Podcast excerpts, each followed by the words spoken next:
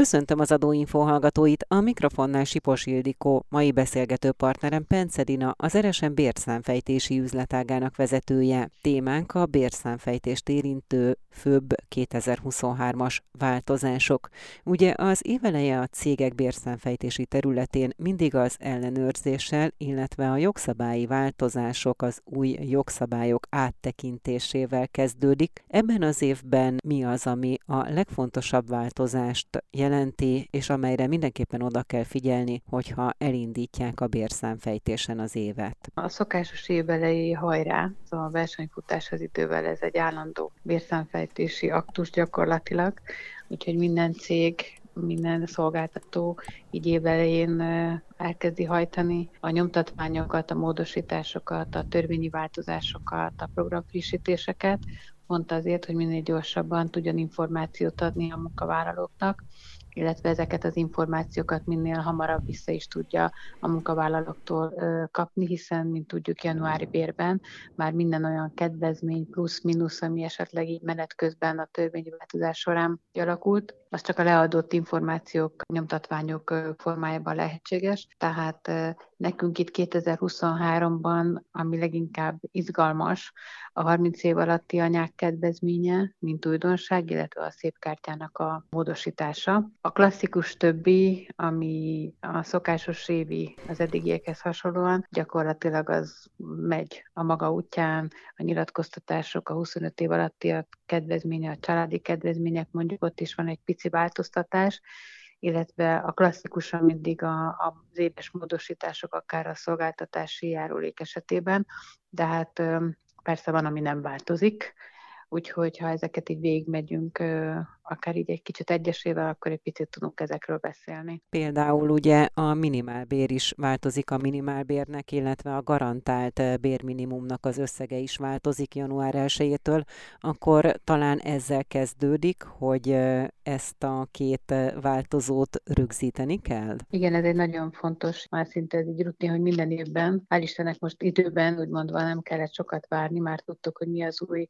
minimálbér, ami bruttó 232 ezer forint, illetve a garantált bérminimum pedig a bruttó 296.400 forint, úgyhogy ez indul az év, amire föl kell hívni az ügyfelek figyelmét, vagy a munkáltatók figyelmét, hiszen mindenkinek már az új bér alapján kell a, a havi bérszámfejtését számfejteni, hogyha esetleg ennél tavalyi év béreim volt, illetve ennél esetleg nem keres többet, akkor erre át kell állítani az új díjakat. Ez tulajdonképpen csak egy technikai dolog, hogy be kell ütni a bérszámfejtésen ezt a két új számot, vagy pedig azért ennyire nem egyszerű? Hát az egy dolog, hogy beütjük, vagy módosítjuk január 1 a béreket, ami nagyon fontos, hogy tájékoztatni is kell a munkavállalókat, hogy a munkabérük módosult, illetve január 1 igazodott az aktuális minimálbérekhez, hiszen innentől kezdve minden egyéb más, ami a bérüket érintette, a kedvezmények vagy, vagy a nyilatkozatok formájában igénybe vehető szolgáltatások, juttatások, levonások gyakorlatilag érintik a, az ő a bérüket is, és azért az jó, hogyha tudják, hogy a januári bérük egy kicsit másabb lesz, mint a decemberi, illetve hát akinek esetleg letiltása volt, vagy van, vagy lesz, ezek 2023. január 1-től módosultak a végrehajtási eljárásban. A régen ez a 28.500 forint, ez volt az öregségi nyugdíjas határa, ez az összeg 60 ezer forintra emelkedik, gyakorlatilag, tehát amilyen szinten végrehajtható része lesz, és 142.500 forinttól pedig 200 forintban nő az az összeghatár, ami fölött a munkabér korlátlanul végrehajtható, ami azt gondolom, hogy egy nagyon fontos információ, mert sajnos egyre több ilyen letiltással találkozunk, levonással, amiket a munkavállalók sajnos kapnak, és azért érheti az embert érdekes meglepetés, úgymond vagy januártól, amikor a letiltását esetleg berögzítik, vagy, vagy bármi olyasmi érkezik részére, ami a nettó jövedelmét érinti. Nézzük meg a kedvezményeket. Gondolom, hogy itt például az SZIA kedvezmények esetében azt kell figyelni, hogy egy-egy munkavállalónak az életkora hogyan változik. Ugye két fontos életkorhoz kötődő kedvezmény is van, az egyik a 25 év alatti fiatalok adókedvezménye, illetve a másik pedig a 30 év alatti anyáknak az adókedvezménye. Igen, hát a 25 év alattiben már szerintem belerázódott mindenki, akár 25 év alatti, akár 25 év feletti, mert azért ezt több esetben azért sajnos néha előfordult, hogy szült egy kis feszültséget, bérfeszültséget, de most akik meg már kijönnek belőle, azok egy kicsit meg fognak lepődni, akik meg most kezdtek el a 25 év alattiba belerázódni, azok pedig most találkoznak majd ezzel a lehetőséggel, hogy magasabb lesz a nettó jövedelmük. Gyakorlatilag 2020 a kedvezmény összege jogosultsági hónaponként a 25 év alatti adókedvezménynél 499.952 forint, amire azért oda kell figyelni, mert hogyha értelemszerűen nagyon magasabb, akkor ez a kedvezmény szinten nem működik. Ez egyébként 74.993 forint adó megtakarítást jelent, és egy teljes évre, hogyha fennáll valakinek a, a munkaviszonya és a jogosultsága, akkor ez 5 millió 999.424 forint. Bruttó jövedelmet jelent, amihez kapcsolatunk 899.914 forint adó megtakarítást, ami azt gondolom, hogy egy elég magas összeg, és ez a 25 év alatti fiatalokat érinti, hogyha ilyen jövedelmet keresnek.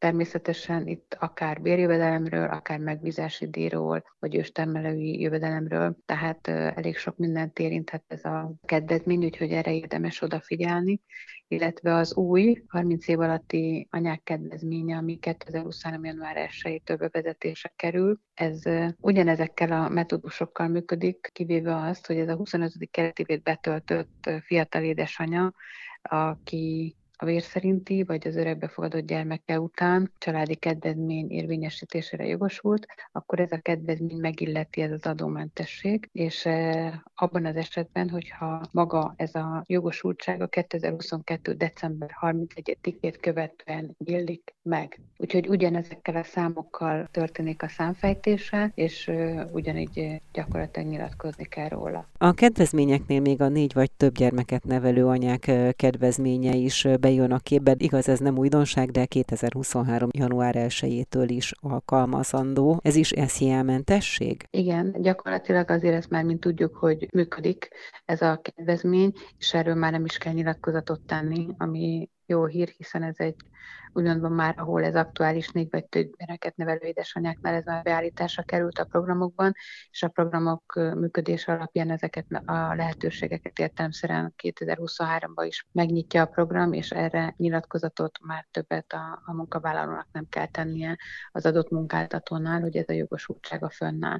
Tehát ez ebből a szempontból egy kedvezőbb a, a bérszámfejtés nyitásában, ahol tudjuk, hogy ez aktuális, akkor ezzel úgymond már nem kell foglalkozni nyilatkozat tekintetében. A családi adókedvezménynél van változás január 1-től? Alapvetően minden maradt a régi, viszont van egy olyan változás a családi kedvezménynél 2023. január 1-től, hogy a tartósan beteg, illetve súlyosan fogyatékos személyeknek minősülő kedvezményezett eltartott gyerekek után jogosultsági hónaponként a kedvezmény havi összege 66.670 forinttal emelt összegben vehető igénybe, ami szerintem egy nagyon pozitív dolog, de értemszerűen ez is nyilatkozat formájában igényelhető, tehát ennyivel kiegészült a családi kedvezmény. Ez az összeg mennyi volt korábban? Ez gyakorlatilag 2023. január 1 került be a rendszerbe. Klasszikusan ment a, a családi kedvezmény egy eltartott esetén, kettő eltartott esetén, három és minden további eltartott esetenként, eltartottaként az összeg, viszont így bekerült újban, hogy ahol tartós beteg van, ott ez a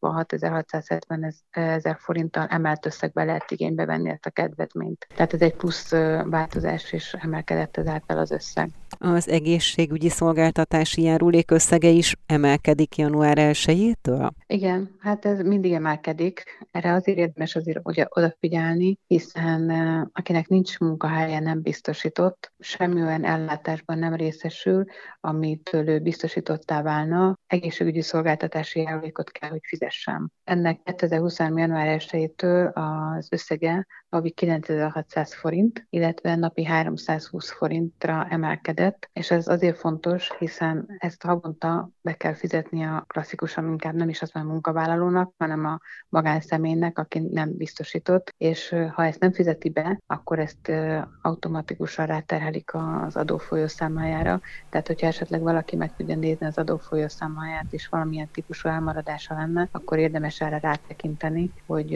esetleg van-e tartozása az egészségügyi szolgáltatási járulékkal kapcsolatban a NAV felé. A béren kívüli juttatások esetében van-e változás, és milyen jellegű változás van 2023. január 1-től? Hát szerintem, mint bérszámfejtéssel foglalkozó ember, gyakorlatilag én nagyon örültem, hogy a szépkártyáknak úgymond ezek a zsebei, a ráalokált összegek gyakorlatilag most bekerültek egy zanzásított megoldásba, és lett egy zseb, minden egyéb zsebnek a tartalma bekerült ebbe a zsebbe, és ennek az éves kerete változatlanul 450 ezer forint lett, viszont ezt a szállás alszámlát a szép kártya egyedüli alszámlájaként kezelhetjük, tehát nem kell a munkavállalóknak mind a háromra nyilatkozni, mert nagyon sok esetben évközben is biztosította ezt a munkáltató, hogy módosítsa esetleg a munkavállaló ezeket a zsebeket. És akkor az egyikbe kitalálta, hogy 1000 forinttal több, a másikba 1000 forinttal kevesebb, akkor ide még 500,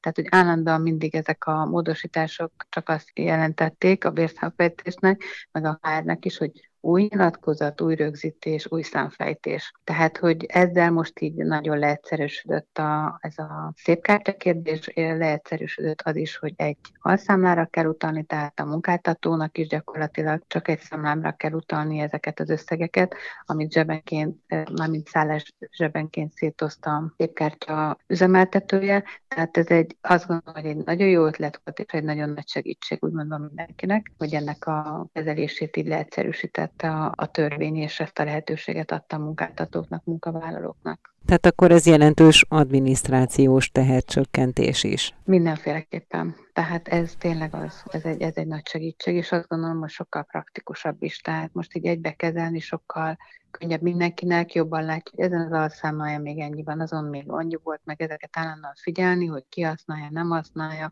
Mondjuk szerintem a COVID erre nagyon rásegített azzal, hogy kicsit rugalmasabban kezdték a szép kártyát kezelni, és ezt a rugalmasságot szerintem megtartva lett ez a 2023-as módosítás is. A szociális hozzájárulási adó, illetve a kiva mértékében, a kiva kulcs esetében van valamilyen változás? Ez gyakorlatilag uh, szociális hozzájárulás maradt 13 százalék, és a kiva mértéke is 10 százalék. Itt csak az a lényeg, és az a fontos, hogy aki bement a kiva alá, az jelezze mindenféleképpen a bérszámfejtése vagy a könyvelése felé, hogy uh, január 1-től kibás lett, mert hogy az adatszolgáltatás uh, esetleg más módosított x vagy jelentés, vagy bármit is igényel, hogy ez nem maradjon el, mert hát értelmszerűen akkor a kiva mértéke is más, a szociális hozzáállási adó mértéke is más, erre oda kell figyelni. Majd a számfejtéseknél is úgy kell beállítani a programokat, tehát ez fontos, ez az információ, hogy erről tájékoztassa a cég a, a, azokat a, akár könyvelést, akár bérszámfejtés, aki a 08 bevallásokat készíti havi szinten részükre. Az egyszerűsített foglalkoztatást érinti valamilyen változtatás? Igen, gyakorlatilag mindig az a kategória, ahol módosulnak a díjak, a közterhek, így 2023. január 1-től érinti természetesen ezt a foglalkoztatási formát is. Tehát a maximálisan kifizethető napi munkabér a minimálbér összegéhez kapcsolódik, aminek a kétszerese, tehát 2023-ban 21.340 forint, ez a napi kifizetése, illetve a különböző ágazatokban alkalmazott egyszerűsített foglalkoztatási formában az alkalmi munka esetén tudjuk 2320 forint per fő per nap, illetve a mezőgazdasági vagy turisztikai idénymunka esetén 1160 forint per fő per nap, illetve a filmipari statiszta esetén 6960 forint per fő per nap. Arra nagyon kell figyelni, illetve ezt úgy mindig kicsit néha így elsiklik, hogy ez a 21.340 forintnál, ha valaki többet ad, erre az alkalmi foglalkoztatásra. Ez a kifizetőnél költségként nem vehető figyelembe, tehát erre mindenféleképpen érdemes